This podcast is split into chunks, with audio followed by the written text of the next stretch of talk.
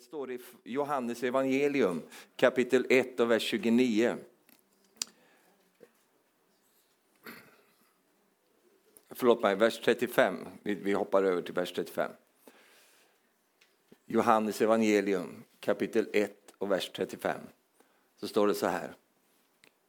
Nästa dag så stod Johannes där igen med två av sina lärjungar.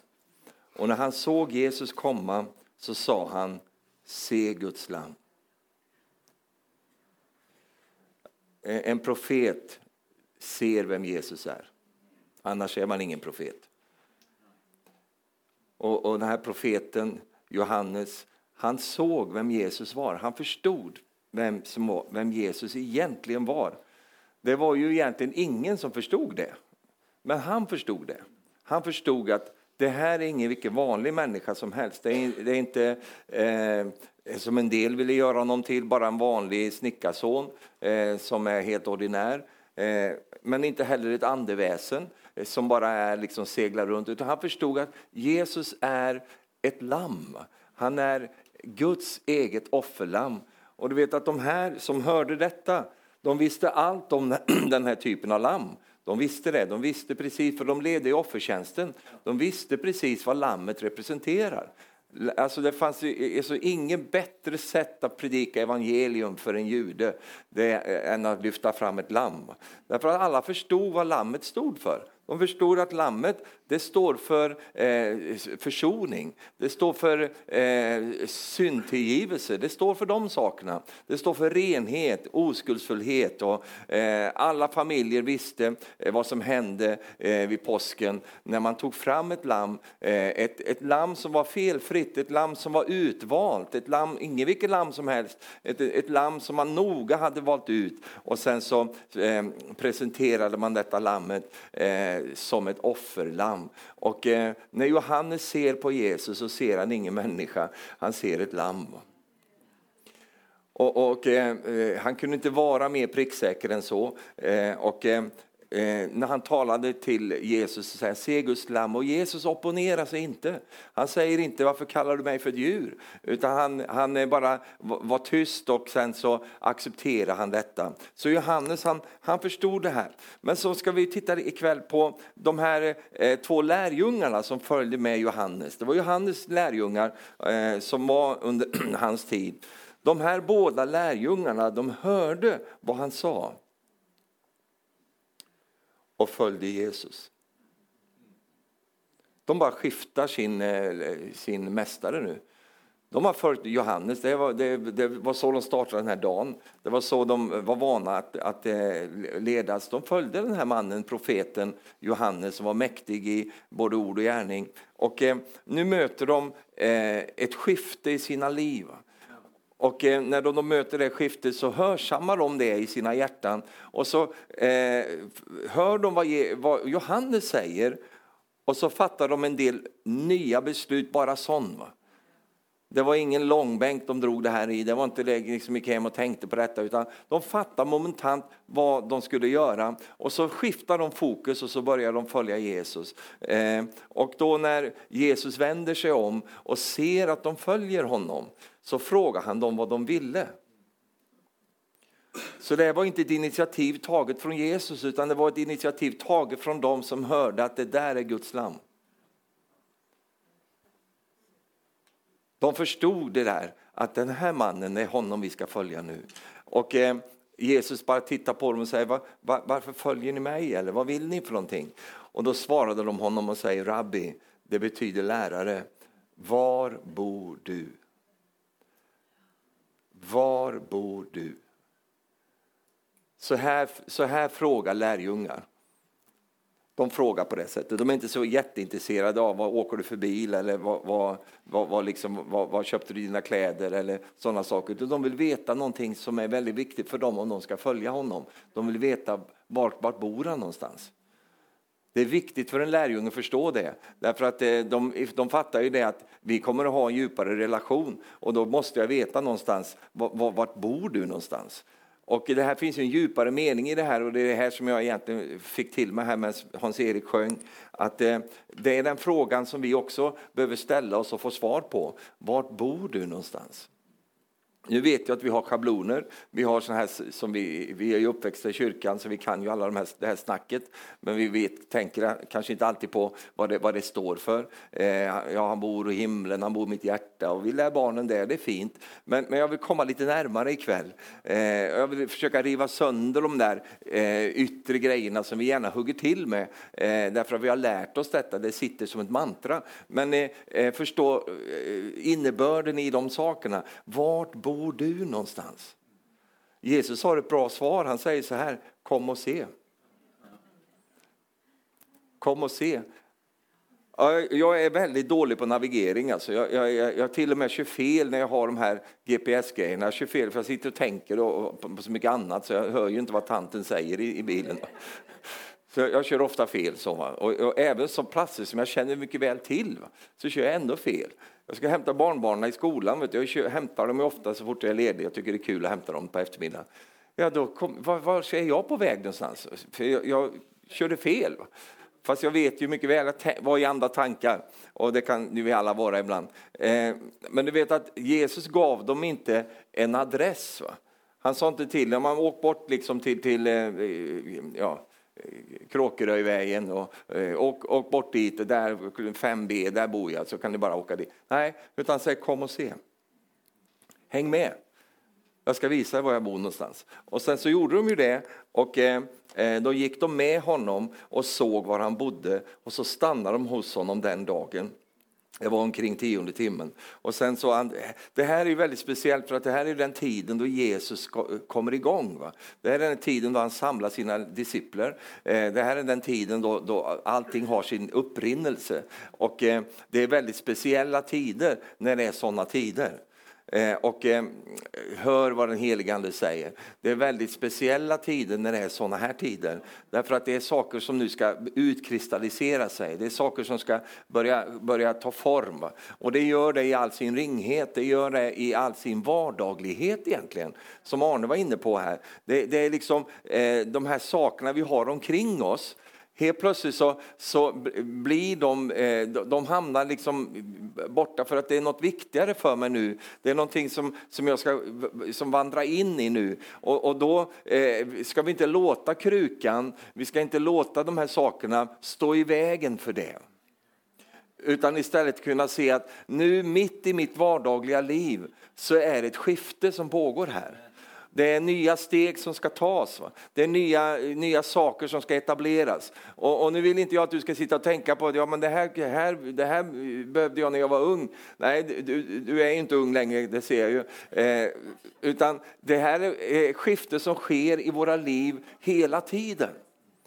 Och då, då, eftersom de här disciplarna var så, eh, de, de, de, de, hade det över sig, det är det som kännetecknar en discipel. Det är att man vill följa.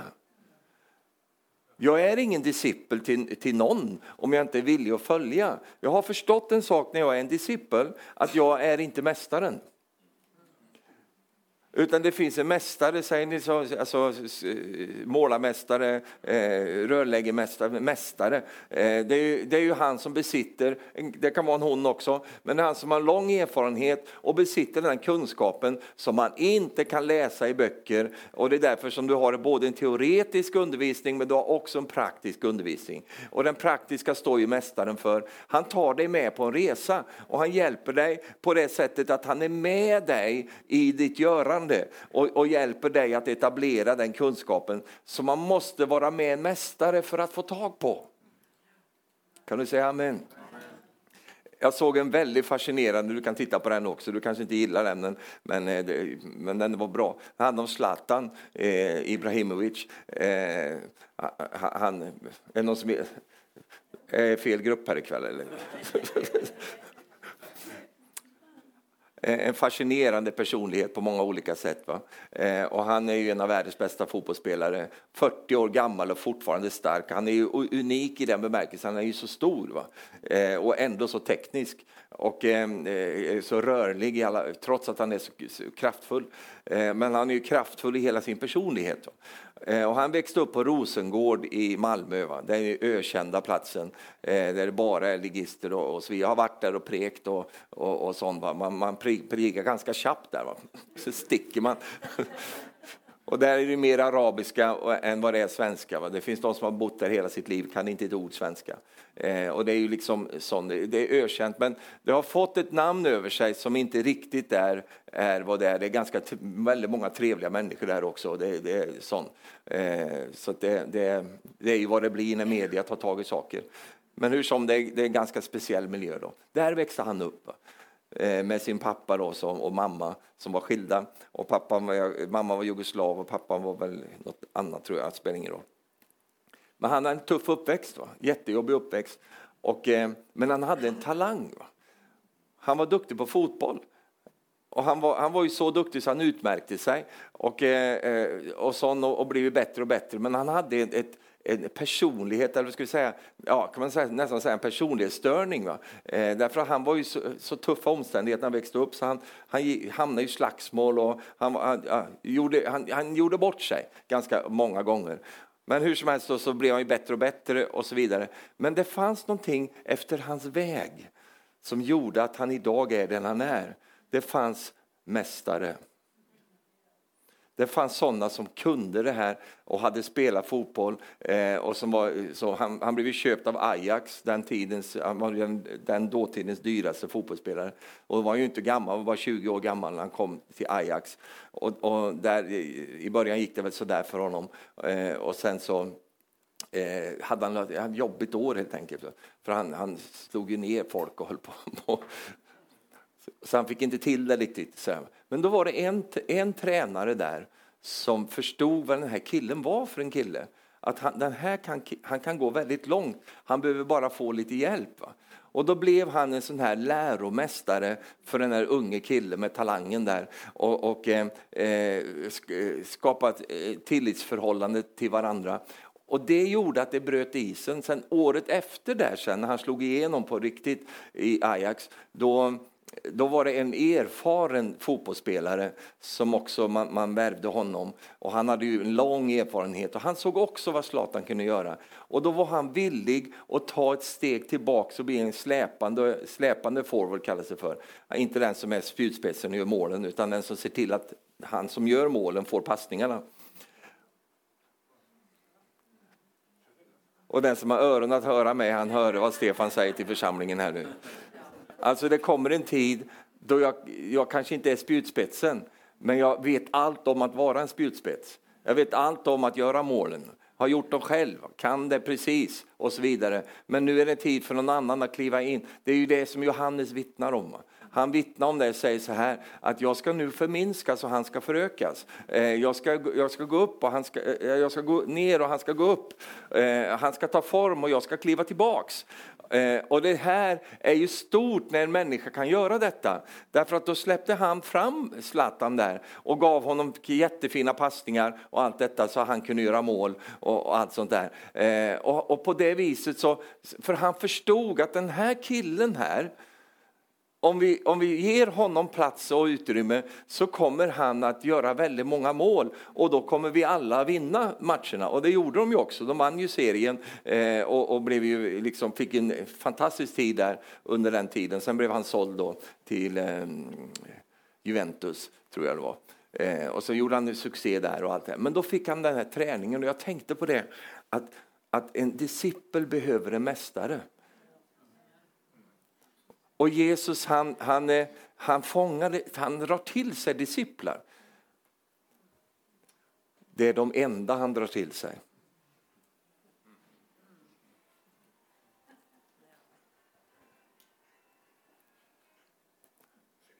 Jag kör lite rockmusik där borta. Det tycker jag är fint. Han drar till sig disciplar.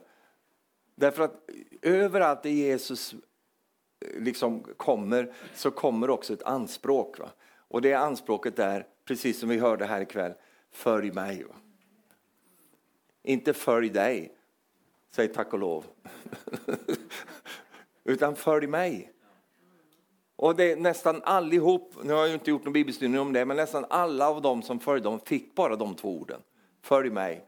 Någon fick, ska jag göra det till en människofiskare? Eller, eh, men, men det var oftast bara följ mig. Det var inte mycket mer än det. Därför att det är liksom lite, eh, det är det som en discipel går igång på.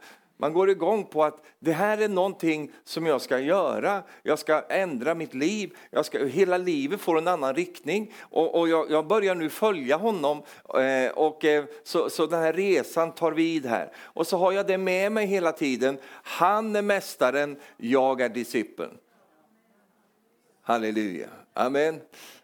Och det är väldigt skönt att veta det, därför att vi har en mästare och det är Herren och han är en discipel. När det är etablerat i mitt liv, ja men då blir det väldigt intressant att få reda på Jesus, var bor du någonstans? Eftersom vi ska ha en sån typ av relation nu så måste jag veta var du bor någonstans. För jag kommer att vara hos dig väldigt mycket. Amen. Jag måste veta, om jag ska ta folk till dig, var ska jag ta dem någonstans?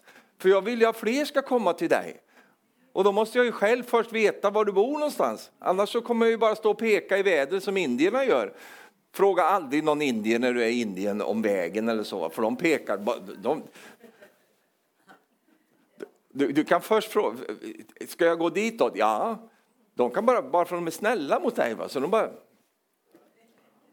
vi var på ett hotell och då sa ena killen som skulle vara med, där, han, var så, det var så varmt, han frågade eh, finns det något, någon pool här på hotellet? Jajamän, yes sir, yes sir. Ja, var finns den då? On the top floor. Så gick de upp på översta våningen, det fanns ju ingen pool där. Va? det var ju bara, det var ju bara ingenting. Va? Och så gick han ner igen, men det, det finns ju ingen pool där uppe. Sorry sir, sorry sir. För de vill inte säga nej till dig. Så om, om, om, du vill ha en pool, då finns det på top floor. Va? Det är bara, bara gå upp där. De, de vill inte vara slem mot dig. Va? Så de, vad du än, har du det hemma? Yes sir. Yes, sir.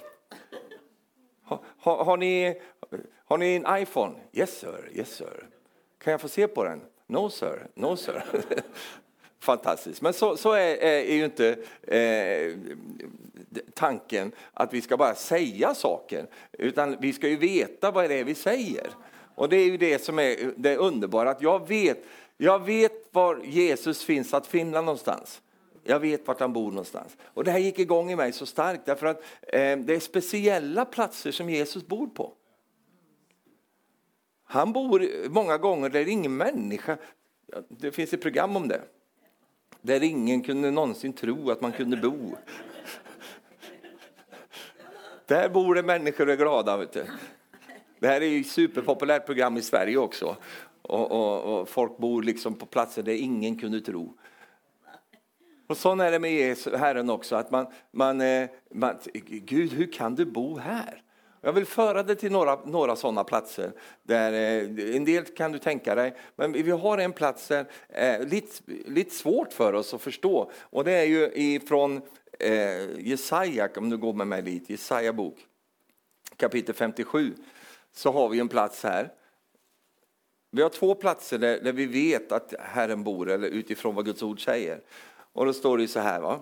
i vers 15, i Jesaja 57, vers 15, så står det så här. Ty så säger den höge och upphöjde, han som tronar till evig tid och heter den helige. Jag bor i det höga och heliga.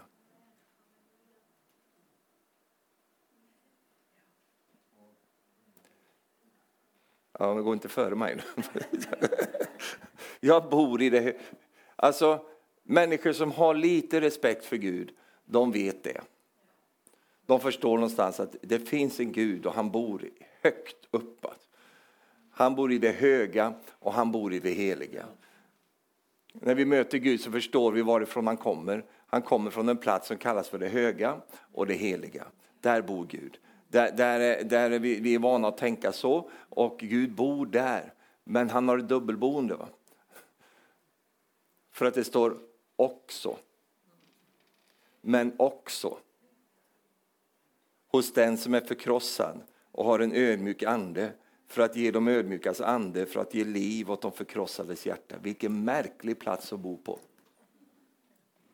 Att Gud som bor i det höga och heliga, där uppe högt upp som ingen av oss kan komma till utan hjälp av honom. Han är så långt borta, han är så långt uppe, han är så högt, långt högt väldigt oh, unreachable eh, i den bemärkelsen. Det är ju så människor som inte känner Gud, som inte har upptäckt att han bor på fler ställen. Han bor där uppe, det kan vi aldrig ta bort och det kommer vi inte vilja göra heller, för vi ska dit. Amen. Vi, vi, vi kommer dit också, men vi kommer dit eh, efter att ha upptäckt att det finns fler platser som man bor på. Och då står det, jag bor också, och det är det här som är fantastiskt med Gud. Va? Att Gud som är den han är, va? han som har denna höghet, han som är den helige, han som är allt det här också. Eh, han är ju det, vi förstår det. Men han är också villig att flytta in och bo hos den som är förkrossad och har en ödmjuk ande. Hur, hur är det möjligt att bo där? Va? Och vad är det som gör att Gud skulle vilja bo där? Det är någonting hos Gud som gör att han trivs där det finns en ödmjuk ande. Han trivs där det finns, alltså det står ju på norskan tror jag, va? det står eh, nedböjd i on, den är inte lika bra, det finns en bättre, eh, där det står att han bor hos den som är sönderknust. Va? Den tycker jag är bättre. Nedböjd, det låter som deprimerat, va? men sönderknust, det, det, det, är någonting annat. Det är någonting i en människas liv som har gått i stycker som gör att Gud kan få plats där. Det är någonting som har gått, blivit knust i en människas liv som gör att Gud säger, här vill jag bo. Jag vill flytta in här. Det är ju egentligen frälsningens erfarenhet. Eh, därför så jag värjer mig lite grann mot det att det är bara att säga Jesus och, och du är min Herre och frälsare. Man kan säga saker, men, men det betyder inte att Jesus flyttar in. Utan Jesus flyttar in när det finns en förkrosselse, där det finns en, något som har gått i stycken, något som har blivit faktiskt ödelagt. Eh, som, som, som, som, det som var hårt är nu borta. Det som var liksom självgott, då, det som var eh, självbyggt kanske, det, det, som var en fästning, en fortress, det som, det som var liksom det vi lever med, vi, vi människor, för att navigera här på jorden, det har gått i stycken. Och då säger Gud så här, nu vill jag flytta in där. Nu vill jag bo där. Halleluja. Och överallt, vi kände det ikväll Hans-Erik, överallt där Gud bor så finns hans närvaro. Och när hans närvaro finns, det är när hans härlighet blir synlig och erfart i våra liv. Och visst är det märkligt eh, i, i våra liv att när just det där som är så svårt att sätta ord på. Jag finner inte, jag, det enda jag kan göra nu är att bruka de här. Det, det är så svårt att sätta, vad, vad, vad är det för någonting? Vad, vad är det som gör att hans närvaro är där eller inte? Är det liksom vilken musik vi väljer, är det vilken sång vi väljer att sjunga, är det vilka ord vi... Nej, det är inte det. Utan det finns, något, det finns en annan sak där. Och det är det som är så mycket svårare och vanskligare att, att eh, etablera i livet. Därför att någonting, vad är det i mig som måste gå i stycker för att Gud ska säga, här vill jag bo. Du vet att Gud han hälsar på många, men han flyttar inte in hos alla. Hade jag haft en orgelspelare nu, det har jag ju också i och för sig. Men... Han, han kommer till alla, han söker alla, men det är inte alla som han kan flytta in hos. Därför att det är någonting i, vä i vägen där. Det är någonting som inte har gett plats för honom. Det står inte att det är en person som har ett sönderbrutet eller sönderknust liv, utan det står ett sönderknust on. Ett sönderknust hjärta, ett förkrossat hjärta. Därför att vi vet ju både du och jag att bara för att livet går i stycken så betyder inte det att Gud säger åh vad fint, här vill jag bo. Utan det är något annat han letar efter. Han, letar, han vill ju inte att våra liv ska gå i stycken. Han vill ju inte att vi ska bli ödelagda. Gud önskar ingenting av sådant i våra liv. Utan det får gärna vara intakt och helt. Men det är någonting som måste få gå i stycken. Någonting som måste bli sönderknust. Och det är det som är det vanskligaste i våra liv att komma till. Och jag tycker det är så underbart att han säger att han bor där. Va? Därför att jag bor ju hemma hos Marie, säg tack och lov. Så du inte får för dig var han bor han någonstans. Jag bor hemma hos min gumma. Hon fick skicka med ett ord till er ikväll förresten. Men jag ska inte säga det för jag kände att jag håller tillbaks det. nej, nej, nej. nej då. Hon vaknade i, i, i morse, så vaknade hon. Och det här gäller säkert mig och, och oss och, som familj. Men jag, jag, kände att nej, men det gäller oss allihop. Hon brukar få sådana här liksom, hälsningar. Och det är ju känt bibelord i Romarbrevet 8 där det står så här. För dem som älskar Gud. Det är villkoret. De som älskar Gud samverkar allt till det bästa. Vilket ord! Alltså. Du kanske inte tycker det, men jag tycker det väldigt mycket. tycker jag det. Att det är ett härligt ord. Därför att samverkar allt. Alltså alla ting i ditt och mitt liv. Vad den är för någonting som kan komma emot oss, vad den är som, som vi möter. Allt samverkar till det bästa. För vilka då? För dem hos vilken Gud bor hos. Det var min egen. För det blir ju de som älskar Gud. Va? Amen. Det är själva kriteriet. Att när, när vi älskar honom, så, så vad det än som, som väller in emot våra liv, så kommer Gud att ta det som händer. Det, det som, nu blir jag lite profetisk. Det som du grä, grämer dig över, eh, vad säger man det på norsk? Gräma sig? Gramme? Grammofon? Nej. Skammes eller... Eh, ja, eller... Varför gjorde jag det här? Va? Grämmes, ja, jag sa ju det. Grämmes över. Varför gjorde jag det där? Varför köpte jag den då? Varför, varför tog jag det beslutet? Du vet, man kan grämma sig. Gjorde en dålig affär. Man kan ju, man kan ju älta ihjäl sig liksom. Som mjölken på bordet blir sur. Va? Det är liksom, man grämmer sig över saker och ting. Du ska inte leva så länge förrän du upptäcker det. Ursäkta, jag glömde ju bort att det finns ju ingen som har fattat något fel beslut här. Utan här har ni ju alltid bara så här. Men vi andra dödliga från andra sidan här i Sverige, vi har många saker vi kan grämma oss över och tänker varför gjorde jag så? Varför? Det kan finnas någon här på andra sidan, någon invandrare från Sverige som kan ha upplevt det också i sitt liv. Att vi, vi tycker att, ja, men även det samverkar till det bästa. Därför att vi älskar Gud. Va? Jag har prekt om det förut, att, att Gud kommer ju inte låta djävulen få några vinster. Det han säger, ja det blir 3-3 här. Det blir inga 3-3. Det är alltid 10-0 till Jesus. va? Alltid. Va? Ja, men han fick, nej, vad då fick? För det som han trodde han fick, det vänder Gud på så att det samverkar till din fördel. Vilken Gud vi har alltså. Jag sa vilken Gud vi har. Till och med sånt där vi själva har trampat i klaveret. Va? Har ni det talesättet här i Norge? Trampa i klaveret. Eller man, man, att man gör, man, äh, den, är, den, är, så grov, man kan bara ta en finare variant. Man, man säger, man, jag gjorde det i det blå skåpet, säger man. Det är helt fel, va? man ska inte säga så, men det, det är en talande bild. Alltså du gjorde vad du ska göra på do, va? inte inne i det blå skåpet. Nu tappar du all respekt för mig. Det är ett talesätt i Sverige som man säger. Ja. Och så undrar varför det luktar i hela huset. Va? Ja, men det är ju, man har gjort bort sig, va? man har gjort lite fel, man skulle inte ha gjort det där. Och även till och med sånt vänder Gud för de som älskar honom till det bästa. Halleluja.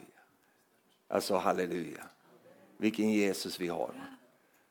Det djävulen maler ner dig och anklagar dig och håller på va? och grejar och kör och allt det där. Det tar Gud, så vänder han på det och så, så, så bringar det in en, en seger i ditt liv. Sån är Gud. Halleluja. Han bor då hos de som är förkrossade, de som har en förkrossad hållning till livet, de som är sönderbrutna på insidan. Vad betyder det? Titta, hos, titta in i ett sönderbrutet hus. Vem vill bo där? Ja, det är inte många. Men vet du vad? Gud säger, där vill jag bo. Jag vill bo där, därför att där får jag plats. Där kan jag vara Gud i den personens liv. Där kan jag vara den som han eller hon stoler på. Där kan jag få vara den jag ska vara. Jag har inget problem, för jag vet, jag har ett, jag har ett palats lite högre upp. Jag bor där också. Halleluja. Ni hörde om Carl Philip, va? svenske prinsen. Som gick, han kom till eh, eh, Klara kyrka. Eh, den ligger ju precis bortanför slottet. Och då var det en uteliggare där va? som såg Carl Philip där, som var det prins va? som bor i slottet. Så gick han, och de här är ju så fina de här ungdomarna. Så, där, va? Så, han, så gick han fram till Carl Philip och sa Jaha, vart sover du någonstans då? För han var ju uteliggare, han hade ju legat bara någonstans där. Var sover du någonstans då? Tittar han på Carl Philip och så säger Carl Philip, ja, jag har en liten hybel lite längre bort här så, som jag bor. Gud, Gud han har sitt slott, vet du. men han är inte rädd för att komma till uteliggarna och, och visa dem den kärlek som han har. Halleluja. Men Gud flyttar in där. Men Gud bor på fler ställen och jag hann ju inte göra ett, ett fullödat bibelstudium om det här. Men jag, det bara kom till mig några ord som, som, som vi vet också eh, är härliga. En annan plats som Gud bor på, det är att Herren bor i lovsången hos de heliga. Han bor där. Vet du, han bodde här ikväll. Ja, han fortsätter att bo, men, men, men han bodde här. Han, han, han, för det står så här, och, och dock är du den helige, står det. Den som tronar, alltså han bygger sin tron, sin stol. Han, han inreder på Israels lovsånger. Där bor Gud. Han, han bor i lovsången bland de heliga. Det är därför lovsången aldrig får tystna, för Gud vill ha någonstans att bo. Han kommer nära när vi lovsjunger och lovprisar honom från förkrossade hjärtan. Alltså när vi sjunger på ett sådant sätt att vi talar om för Gud vem han är och hur stor han är. Inte att vi talar om för Gud vilka vi är, hur stora vi är och vilka grejer vi har och våndor, utan att vi lyfter upp vem Gud är och prisar honom. Vet du vad Gud säger då? Här vill jag bo. Halleluja, jag vill bo här. Följ Israels historia för att se vilken plats sången hade. Den var jätteviktig. Den var viktig på alla plan. Den var viktig när de skulle ut i strid. Då skickade de fram lovsångarna först. De hade inga bazookas eller liksom K47 eller som, som, utan de hade ju bara sin harpa och fiol. Va? Det var ju liksom inget att skjuta med. Men det var det Gud ville. Därför att i där så bor Gud, han bor mitt i striden. Han bor där därför att Israel lovsjunger och lovprisar honom. Amen. Det här känner du till. Men han bor också en annan plats som, som eh, och det är därför man tänker det här med Ukraina. Var bor Gud någonstans? Jo, Gud bor där nöden finns.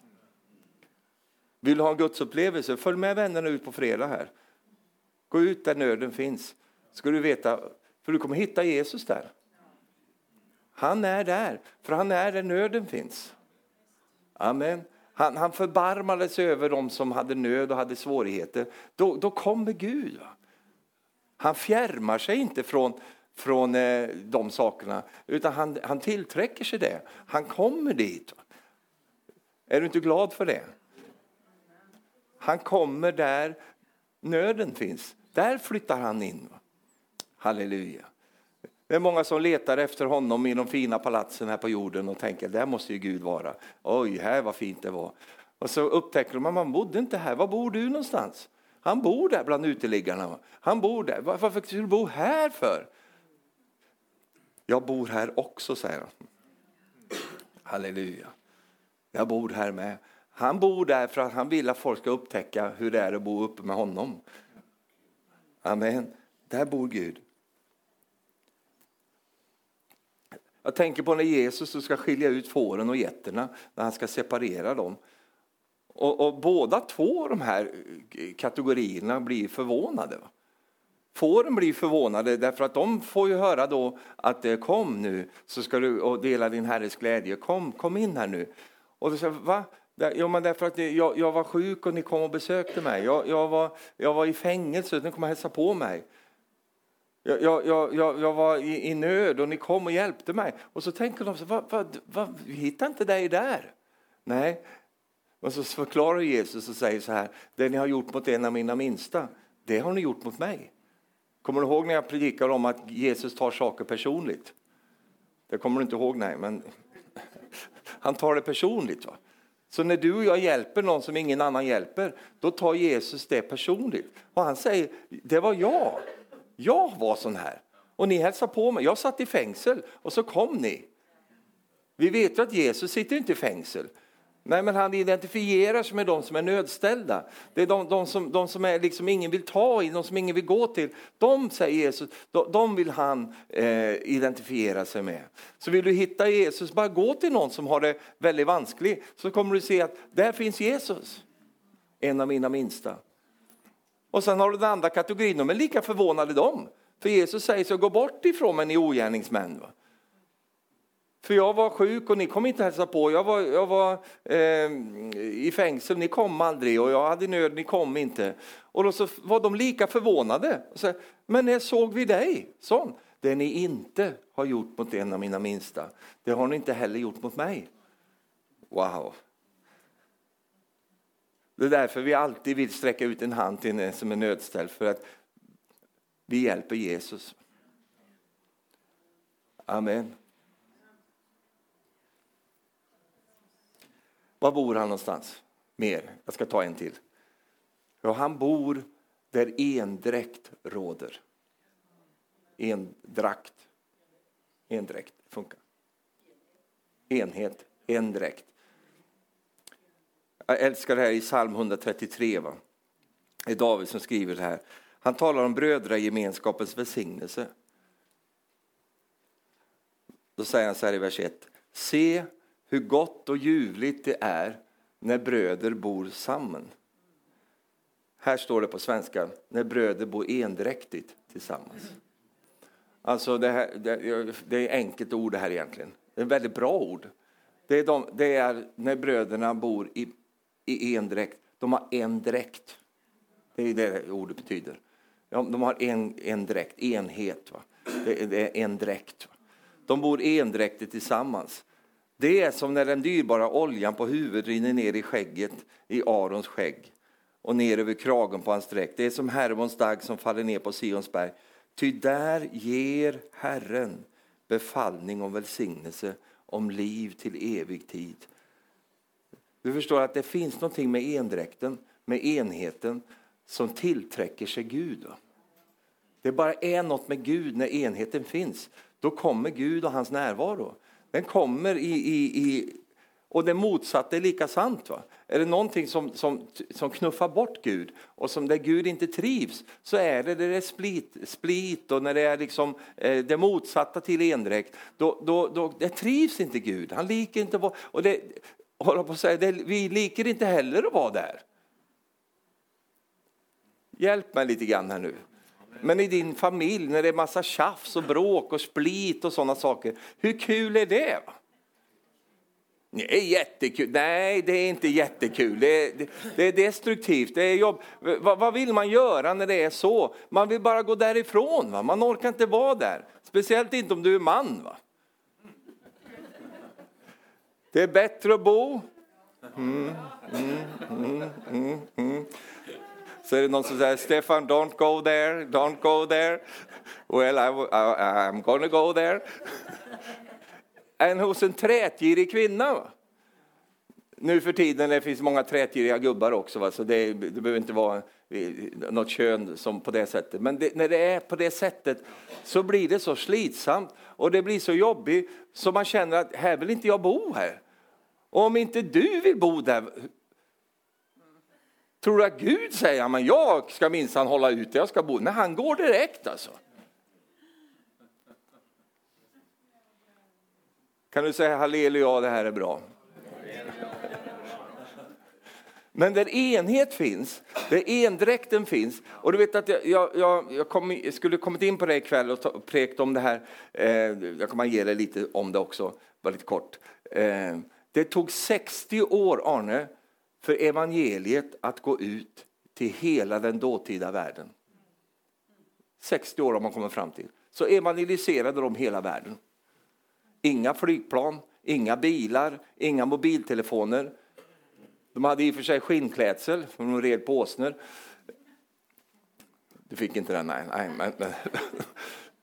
Och de åkte väl båt och sådär, men det var, var väldigt, ja du vet ju, för Paulus resor får du se. De hade väldiga, alltså, men till trots av detta så, så lyckades de sprida evangelium till hela den dåtida världen på 60 år. Och jag har tänkt så mycket på det, vad var hemligheten till att de lyckades med det?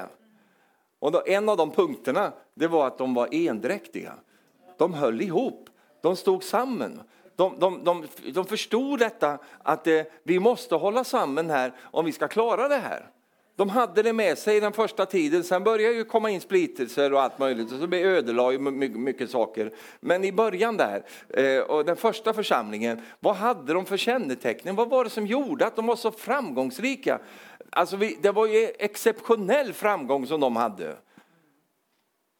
Och en av de här sakerna som man, kan se, det var att de vakade på fällskapen. För de tillät inte någonting komma in som bringade split och, och som satte igång de sakerna. Och du vet ju de här apostlarna, både Paulus och Petrus, oh vad de körde igång direkt om de märkte att nu är det eh, surdegar på gång här. Då, då gick de till angrepp på det, därför att de tillät inte sånt komma in. Därför att endräkten var så, villig, var så viktig och det står att de, de, de, de samlades i templen och de samlades i hemmen och de, de delade fällskapen i jublande innerlig glädje och de var endräktigt samman står det. Det var någonting med de här som gjorde att de fick en sån våldsam framgång. Att de hade förstått de här sakerna. Halleluja. Amen. Och jag tror att när, när endräkten finns där, det är en attraktion för Gud att flytta in mitt ibland oss. Halleluja, han bor där. Amen. Han bor i endräkten. Det är så starkt det här ordet också. Det står när bröderna bor eh, endräktigt samman. Så står det, då kommer den dyrbara oljan. Den flyter ner från huvudet och den rinner ner i skägget. Halleluja. Jag måste skaffa skägg nu känner jag. Jag har för lite skägg. Det här oljan. Måste... Ja, tar, där har vi skägget. Rinner ner i Arons skägg. Över kragen på hans dräkt. Och det är som Hermons dag som faller ner på Sensberg. Och där ger Herren befallning. Den är ju bättre på svenska faktiskt. Där ger Herren befallning. Han befaller. Och du vet ju vad som händer när Gud befaller. Det står att han befallde var det ljus och det blev ljus. När han befallde den onda anden försvinna, då försvann den. När Gud befaller någonting, då, då blir det så. Och då, så, så, så han befaller välsignelse eh, att komma om liv till evig tid. Alltså, det är någonting med endräkten som gör att Gud trivs. Va? Han trivs på samma sätt som du trivs när det är harmoni i hemmet, när det är harmoni mellan dig och kona, när det är harmoni mellan dig och barnen, då trivs du. Du, du, du mår bra av detta. Det är olja som kommer då. Och är, om, om du är sån så är det för att du är skapt av Gud. Det, Gud trivs där också. Han liker det. Halleluja. Alltså han liker det. Prisat. Där har Gud satt välsignelse.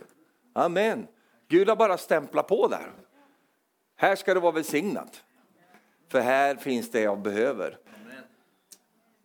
Halleluja. Det står att de var samlade in one accord, står det på ett eh, annat ställe. I, eh, one accord. De var församlade. De var församlade. Det är ju det, det ordet som vi har för menigheten. Församling. Inte motsamling. Välkommen till motsamlingen här. Nej, församling. Vi är för saker och ting. Vi är församlade. Vi är samlade för någonting. Amen. Församling.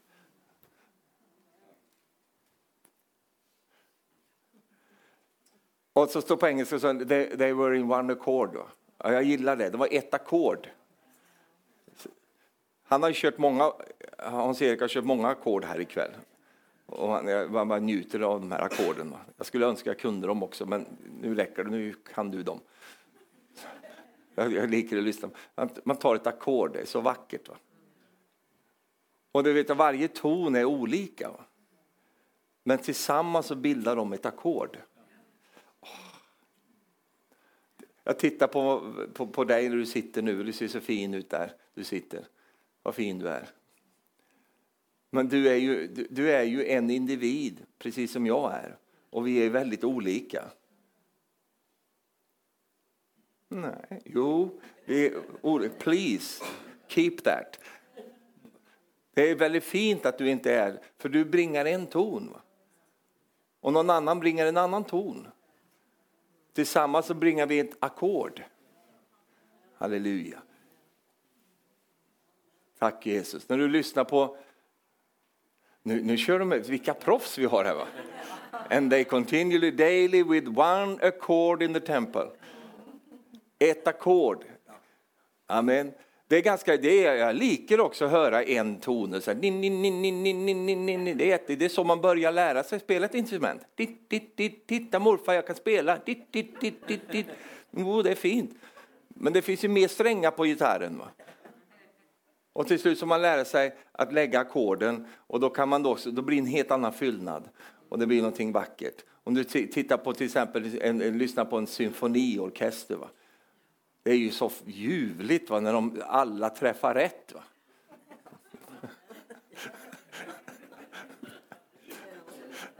Hur kommer du ihåg när du var ung och dina barn var, var barn och de skulle spela sån här blockflöjtskonsert? Och de var så glada när de skulle spela där. Men det var så förfärligt. Man, alltså man, man, man var ju livrädd med stora hörselkåpor på sig. Och sen man ville man hoppas som klarar det där. Sen är det ju någon ton där på blockflöjten som är så svår att få till. Man ska lägga tummen och så två fingrar där. Det blir helt galet. Va? Och sen står du där och ljuger efteråt. Det så fint det var, vad fint, vad underbart. Åh, vad duktig du är, var ju jätteduktig, du var så fint och så bra. Och du tycker själv att det var ju något förfärligt, va? det var hemskt det här. Men, men de, de är på väg, jag var på ett ställe och prekte nu i början på året här. Och, och nu, nu är det ungdomarna där som leder lovsången, den menigheten. Och, de har, de, och jag var ju med, jag är ju så gammal så jag, man har ju sett lovsångsband komma och gå kan man säga. Och de här var ju bara 13-14 år och de hade ju inga andra i så då fick de ju spela där. Va? Och du vet, man, alltså det var inte som ikväll här där man bara helst inte ville gå upp och preke. Utan det var ju liksom, kan jag få preke nu på en gång här? Va? Jag kan preke innan ni sjunger, sen går jag sen. Det var något så förfärligt. Det var likadant uppe i Oppdal, vet du. de har ju skiftat skinn många gånger där och som har varit med i det där skifteriet där, det är ju något förfärligt när de ska börja. Det låter ju bedrövligt. Va? Nu var jag där, det här var på, på, borta på, eh, utanför Bergen, var där och så var det samma ungdomar. Vet du. Men nu har de ju stått där i fyra, fem år va? och tränat. Oh, vilken lovsång! Helt ljuvlig. Va? Och så blir det när vi får träna oss samman. Och vi får lära oss vårt bidrag, får lära oss att jag kanske inte ska spela solon i varenda möte, va? varenda låt. Därför att jag har kommit på ett riff här nu. Va? Smoke on the water. Nej, nej, nej. Jag kan den, va? så kör den i varenda sång. Det, till slut så blir det ju... Ja, men, jag prekar ju om hur det kan vara i menigheten. Inte, jag pratar ju inte om musiken här nu. Utan jag pratar om hur det kan vara i menigheten. Att det, det, det liksom sprättar åt alla möjliga håll. Va? Men vet du, tack gode Gud att vi kan upptäcka, kommer ihåg Robert Ek, han sa en sån fin sak, för han var ju duktig på gitarr och så sjöng, vi sjöng ihop och så.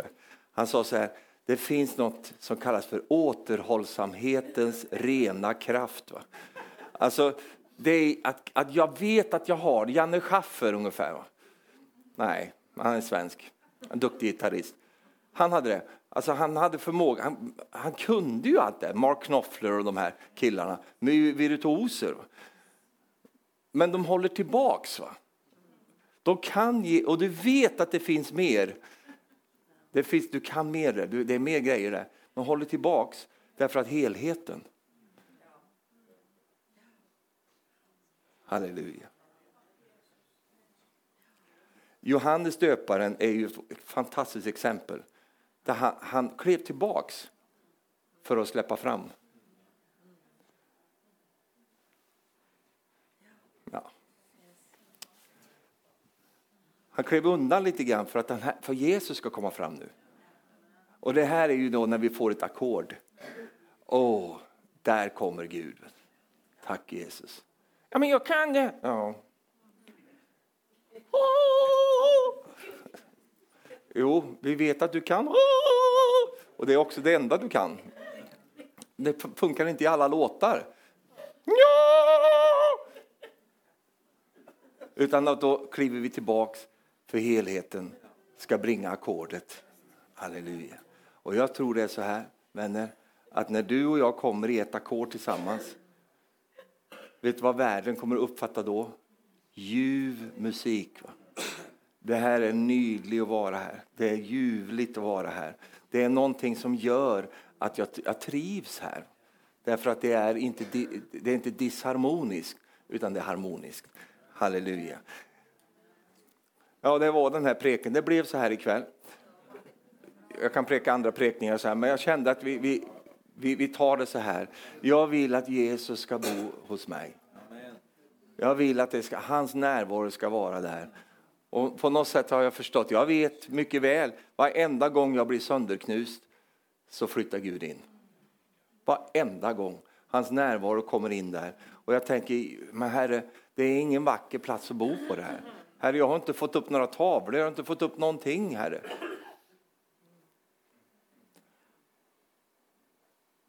Du vet när du får hem besök hemma hos dig, vad gör din kone då? Då springer hon runt och säger, ja du förstår, vi ska renovera här och vi ska göra här, ska vi göra om och så vidare.